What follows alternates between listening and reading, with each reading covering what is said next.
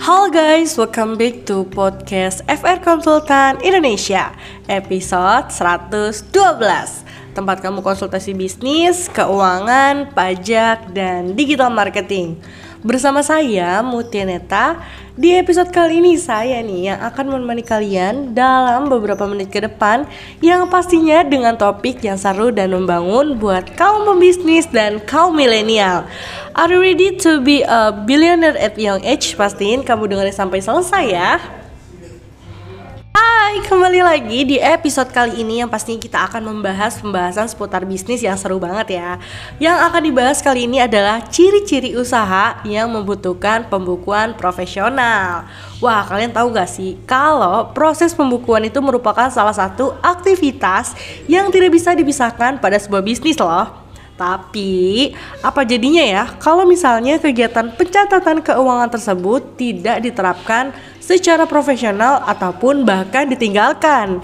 Wah, pasti perusahaan atau bisnis ini tidak menggunakan pencatatan keuangan sangat rentan loh dengan resiko kegagalan mengembangkan usaha. Tanda-tandanya bisa dilihat secara jelas terutama pada proses administrasi yang menangani keluar masuknya kas. Kalau kamu mau bisnisnya terus berkembang, padahal pacuan awalnya pembukuan, kalian tahu nggak sih resiko apa sih yang bisa terjadi kalau bisnis itu nggak punya catatan keuangan? Jadi catatan keuangan itu sebagai penopang urusan administrasi yang sangat penting bagi perusahaan untuk kelangsungan hidup sebuah usahanya. Mungkin kalau misalnya nggak dilakukan dengan benar, masa depan perusahaan pada akhirnya terlihat suram ya. Dan masalah juga dengan setoran pajaknya nanti. Kira-kira apa aja sih poin-poin resiko dari sebuah bisnis yang nggak memiliki catatan? Langsung aja yuk kita bahas satu persatu. Poin pertama yang bisa terjadi adalah masa depan perusahaan menjadi tidak jelas. Jadi, catatan keuangan itu lewat pembukuan yang tidak dilakukan dengan sesuai kaidah akuntansi memiliki dampak yang sangat serius loh. Karena berhubungan dengan uang, jadi nanti perusahaan akan terancam dan gak bisa melakukan operasional karena jumlah dananya kurang mencukupi.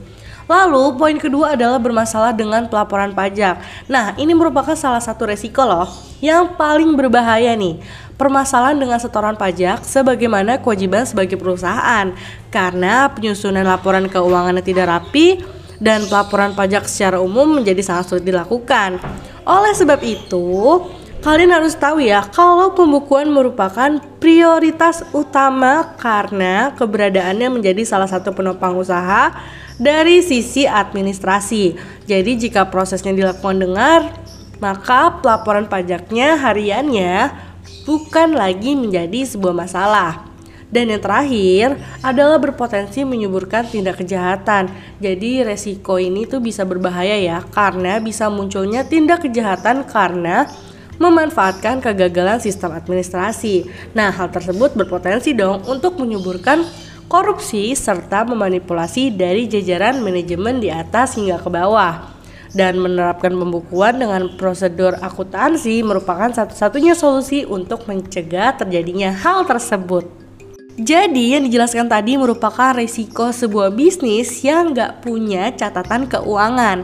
Tapi tenang aja, kali ini saya akan memberikan tips agar pencatatan laporan keuangan berjalan dengan baik. Poin yang pertama adalah mencatat setiap aktivitas keuangan sesuai dengan jenisnya. Jadi, proses pembukuan tidak akan berjalan dengan lancar tanpa aktivitas pencatatan keuangan secara menyeluruh. Jadi semua catatan tersebut nantinya akan dikumpulkan menjadi sebuah jurnal yang kemudian diposting ke dalam buku besar. Nah, kalau kamu paham dengan akuntansi, mungkin proses ini bukan menjadi hal yang paling sulit ya. Jadi dokumentasi dari data-data tersebut bisa digunakan untuk menyusun neraca saldo untuk melihat keseimbangan debit kredit. Poin berikutnya sih kita bisa menggunakan kombinasi metode pencatatan manual dan software akuntansi. Nah, agar proses pembuatan catatan administrasi bisa berjalan dengan baik, kamu bisa menggunakan dua metode ini. Jadi, baik dilakukan secara manual menggunakan kertas maupun dengan software akuntansi. Tapi kalau zaman sekarang sih kayaknya software akuntansi lebih direkomendasikan kan ya, karena lebih efisien dibandingkan dengan yang manual. Jadi, kegiatan pembukuan ini pada akhirnya bisa dilakukan dengan mudah tanpa kendala karena menggabungkan dua metode tadi. Jadi dokumentasi menggunakan software akuntansi mempercepat prosesnya, sedangkan catatan manual menjadi tanda bukti transaksi secara fisik. Dan poin terakhir yang saya berikan adalah membuat laporan secara rinci dan terdokumentasi dengan baik. Setelah data-data berhasil dicatat dengan baik, langkah selanjutnya jangan lupa ya menyusun laporan tersebut secara rinci. Masing-masing akan disusun menjadi neraca lajur yang datanya diambil dari jurnal, penyesuaian hingga menjadi laporan keuangan. Laporan keuangan tersebut tidak bisa dibuat tanpa menyusun neraca lajur terlebih dahulu. Setelah semuanya terdokumentasi dalam bentuk catatan, maka pelaporan keuangan secara berkala bisa dilakukan untuk melihat kondisi neraca perusahaan. Jadi, yang sudah dibahas tadi adalah beberapa resiko-resiko yang kamu terima jika tidak melakukan pencatatan keuangan perusahaan. Tapi tenang aja, saya juga memberikan tips gimana sih caranya membuat pembukuan sederhana dan tips-tips yang bisa kalian pakai.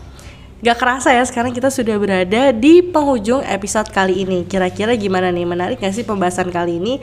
Atau teman-teman punya rekomendasi pembahasan yang lain Boleh ya di komen di Instagram Ataupun di TikTok kita. Thanks banget nih buat para pembisnis dan Gen Z yang sudah dengerin sampai akhir di episode kali ini Mengenai ciri-ciri usaha yang membutuhkan pembukuan profesional untuk mendapatkan lebih banyak tips dan trik tentang bisnis, keuangan, pajak, dan digital marketing, kalian bisa pantau terus ya podcast FR Konsultan Indonesia dan tunggu updateannya di Instagram kita at Konsultan Indonesia.